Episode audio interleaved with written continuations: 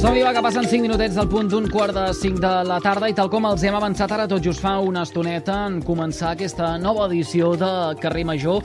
Avui parlem de platges, perquè ens trobem en plena temporada eh, turística.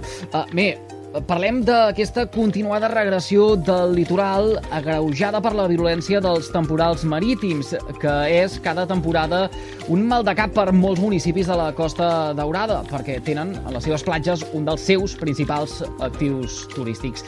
En quin estat es troben les platges a dia d'avui? Ho descobrirem, entre moltes altres coses, al llarg dels propers minuts. Per això tenim ara mateix, a l'altra banda del fil telefònic, el cap provincial a Tarragona del Servei de Costes del Ministeri per a la Transició Ecològica. Antoni Espanya, molt bona tarda i gràcies per acceptar la trucada del programa. Hola, bona tarda. Per començar, ras i curt, li he de fer aquesta pregunta. En quin estat tenim les platges de la Costa Daurada a dia d'avui? Bé, en general jo diria que són, les tenim en, en bones condicions, per term, en termes generals, el que sí que és cert és que puntualment tenim algunes platges amb problemes de, d'integritat eh, en, en alguns trams, no? I concretament pues, les platges que segurament en aquests moments eh, estan més eh, necessitades o, o més eh, fràgils serien la d'Altafulla, i, la, i un tram del, del Francàs, al Vendrell, jo crec que serien les dues platges més, més necessitades d'actuacions, juntament segurament amb la platja llarga de Roda. Vale? A part, mm. evidentment, poso el Delta de l'Ebre fora perquè és un altre, un altre problema a part de, de, de les dimensions superiors, però jo crec que aquestes tres platges en aquests moments serien les més problemàtiques de, de la demarcació de Tarragona. Eh, de fet, fins la setmana passada estaven executant treballs no? a la platja de Roda de Barà, a petició també i molta insistència per part del consistori. Sí, sí l'actuació que s'ha fet a Roda de Barà, de fet, no, a diferència de, de la d'Altafulla, que sí que la vam fer nosaltres, el Ministeri, eh, la de Roda de Barà és una actuació que hem, que hem autoritzat, però que l'ha promogut l'Ajuntament i el port de Roda de Barà i aquí vull aprofitar per recordar que hi ha ports que tenen l'obligació de trasbassar sorra perquè els ports són elements que normalment retenen sorra a la part nord, perquè el transport litoral de sorra normalment és de nord a sud, i al nord de les infraestructures portuàries generalment s'acumula sorra. I tots els ports que es van fer posterior a la llei Costes del 88 tenen l'obligació de trasbassar aquesta sorra cap al sud quan se'ls demana. No?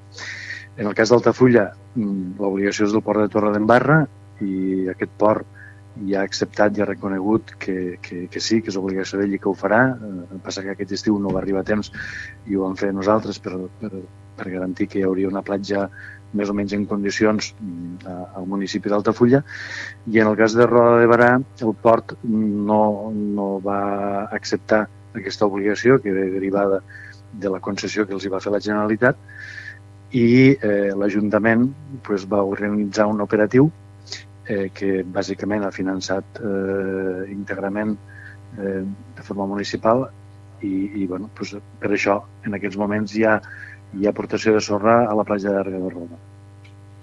Senyor Espanya, què passa quan un port eh, que té l'obligació de transvasar aquesta sorra no ho fa? És a dir, a què s'exposa ara el port de Roda de Barà?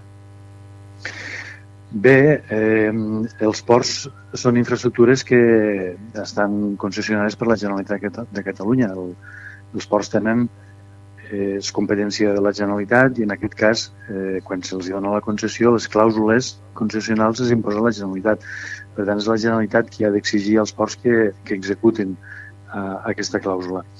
Eh, nosaltres, com a administració de l'Estat, que hem de garantir que les platges estiguen en unes condicions acceptables tant d'accés com d'ús balneari, el que fem és recordar a, a les dues parts aquesta, aquesta obligació, no? I justament jo des del mes de gener que a Ports de la Generalitat els hi estic recordant aquestes obligacions que tenen contractes els ports i que ells, com a administració competent, els han de requerir que facin aquestes aportacions. No? En el cas de Torre de Barra s'ha fet i en el cas de, de Roda de Barà també, però la resposta és aquesta. Segurament en el cas de Roda de Barà pues, eh, en un contenciós administratiu i acabarà sent un jutge que digui realment eh, si aquesta obligació concessional que tenen s'ha de complir o no, no.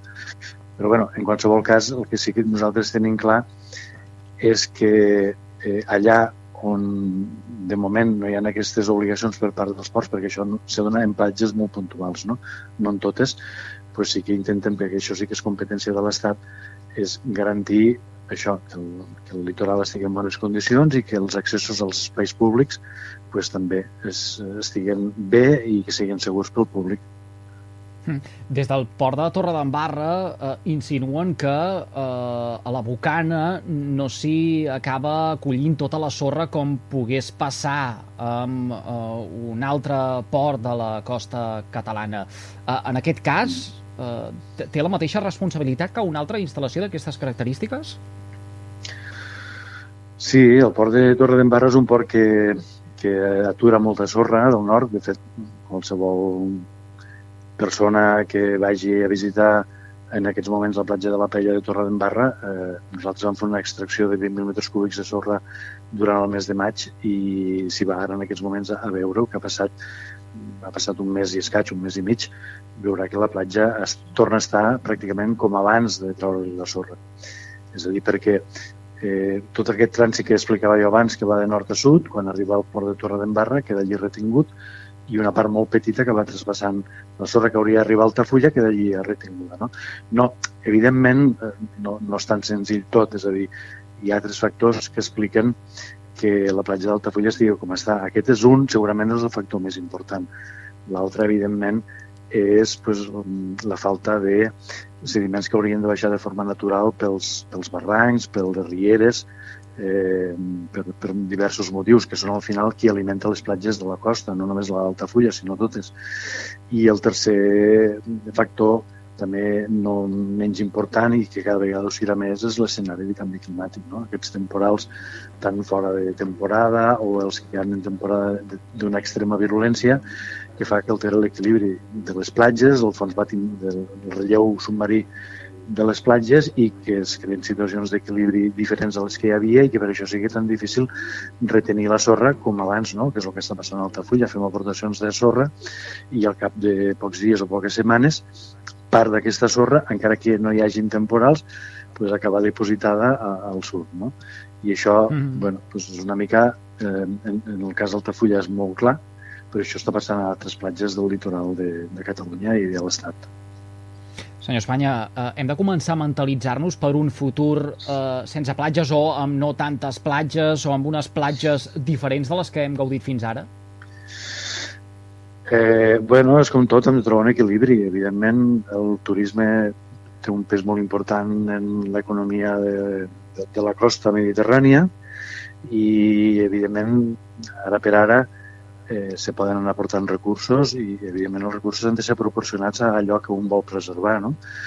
Eh, però possiblement en un futur serà molt complicat mantindre eh, pues, les platges tal com les han conegut. Les platges al final també són ecosistemes vius que responen a uns, uns factors ambientals i a vegades són de sorra, a vegades són de pedra, a vegades eh, hi ha més amplada, a vegades n'hi ha menys, ser que, que aquesta variabilitat cada vegada anirà creixent. No?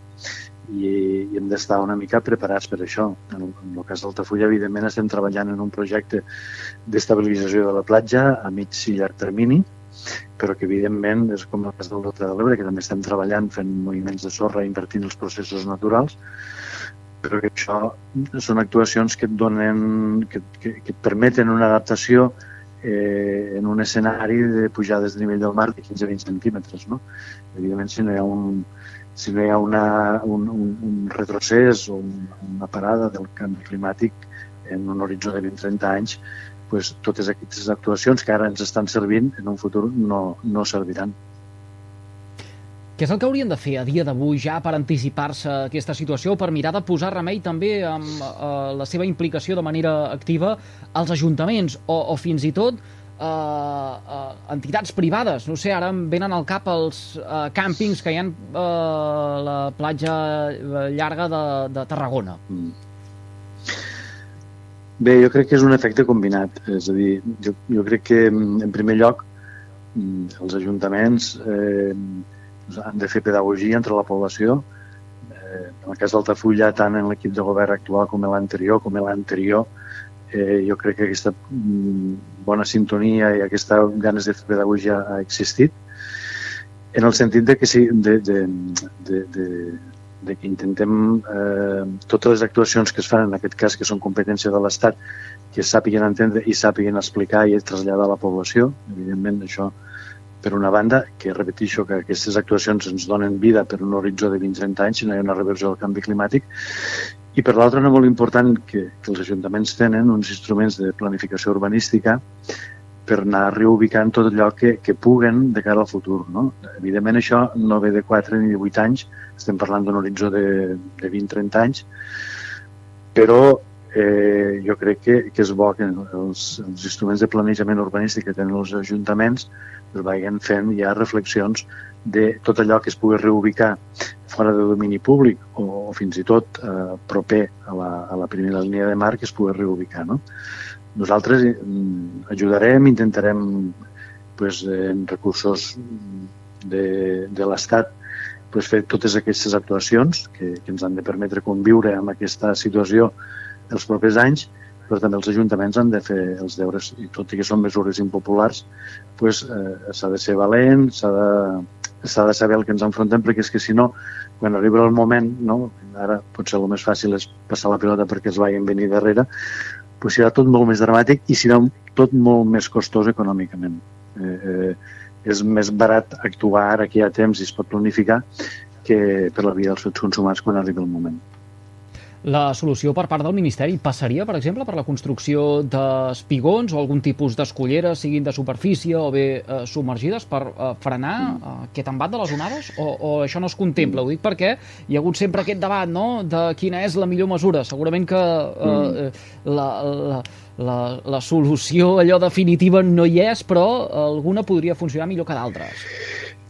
Sí, bueno, en el cas concret d'Altafulla, Eh, ja, jo he tingut converses amb la Universitat Politècnica de Catalunya que l'equip de govern anterior d'Altafulla ja va signar un conveni amb ells i que, bueno, i que l'equip actual de govern que em vaig reunir fa poc ratifiquen i, i consideren que, que sí, que aquest, aquesta col·laboració bilateral entre el municipi d'Altafulla i el Laboratori d'Enginyeria Marítima de la Universitat Politècnica de continuar i tot i que el nostre estudi de dinàmica litoral encara està pendent de licitació, mm, estem parlant d'una entitat, la Politècnica, molt solvent pel que fa a, a estudis de dinàmica litoral. No?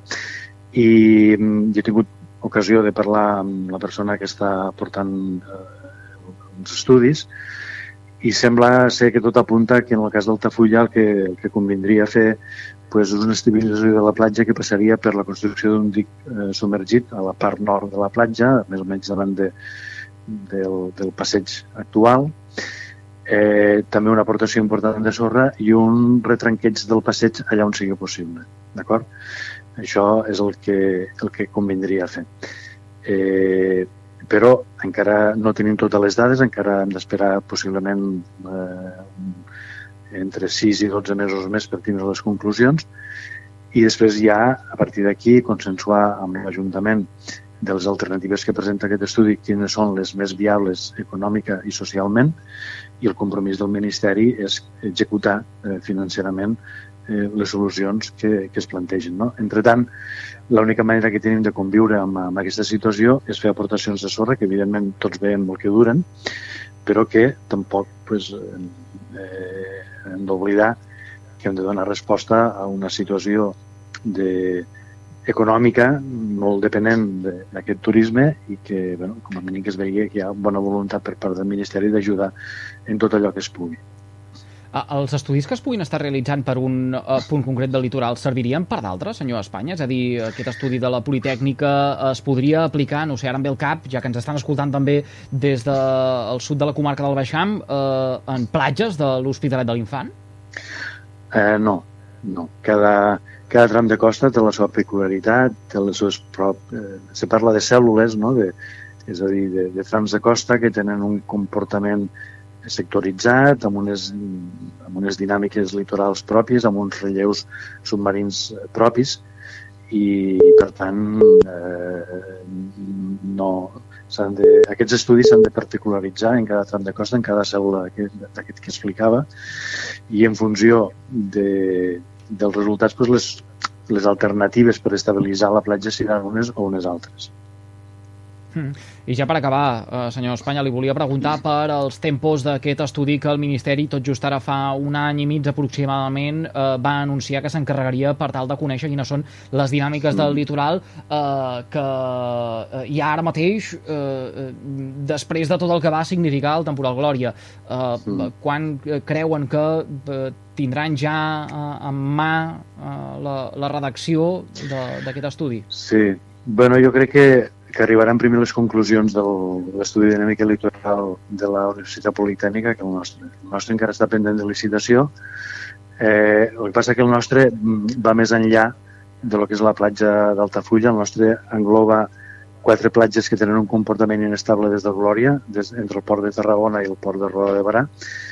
Aquest de, que explicava jo de la Politècnica de Catalunya, jo crec que eh, abans de l'estiu de l'any que ve estirà conclòs i ens permetrà pues, ja saber exactament quina és la solució mm, que podem aplicar per mantenir una integritat de platja a mig termini. Eh? Repeteixo que eh, aquests projectes serviran per, per adaptar a escala humana eh, pues, aquests canvis meteorològics que estan havent. havent. Per això té data de caducitat, evidentment. Mm, el, el del Ministeri entenem que va, va per llarg i havent-hi unes eleccions d'aquí 15 dies pel mig eh, pot acabar passant de tot, no? Bueno, en principi està, està a la roda de projectes pendents de licitació. És un tema purament administratiu, no polític, no té per què afectar. Eh, I jo espero que bueno, pues ja, eh, el, el govern que hi hagi a partir del mes de, d'agost, setembre, en aquest sentit, pues, que no hi ha canvis, no? Perquè al final em, les solucions tots tenen una tramitació tècnica i administrativa que independentment del color polític que hi hagi pues, s'han de respectar i s'han de complir. Per tant, jo entenc que no ha d'haver cap canvi en aquest sentit. El que sí que puc dir és que eh, l'estudi de la Politècnica, al final les administracions locals pues, sempre són una mica més àgils que les, les grans administracions com l'Estat i el fet de que un ajuntament, pues, en aquest cas, com l'Altafulla, que ha tingut l'interès de, de fer aquest conveni, pues, sempre pot accelerar una mica més les solucions als problemes, i no només el, qualsevol ajuntament que tingui interès en fer estudis pues, té instruments a la mà, té gent, no només la universitat, hi ha eh, equips d'enginyeries ambientals que, que poden fer-los i nosaltres, tot el que sigui informació tècnica o científica que ens ajude a proposar projectes per solucionar, pues, eh, els, els rebem tots de bon grat i ens els mirem i, i incorporem tot allò que sigui positiu per, per resoldre els problemes. Antoni Espanya, cap provincial a Tarragona del Servei de Costes del Ministeri de la Transició Ecològica. Gràcies per acceptar la invitació del carrer Major al programa de les emissores de la xarxa de comunicació local al Camp de Tarragona. Un plaer. A vosaltres, bona tarda.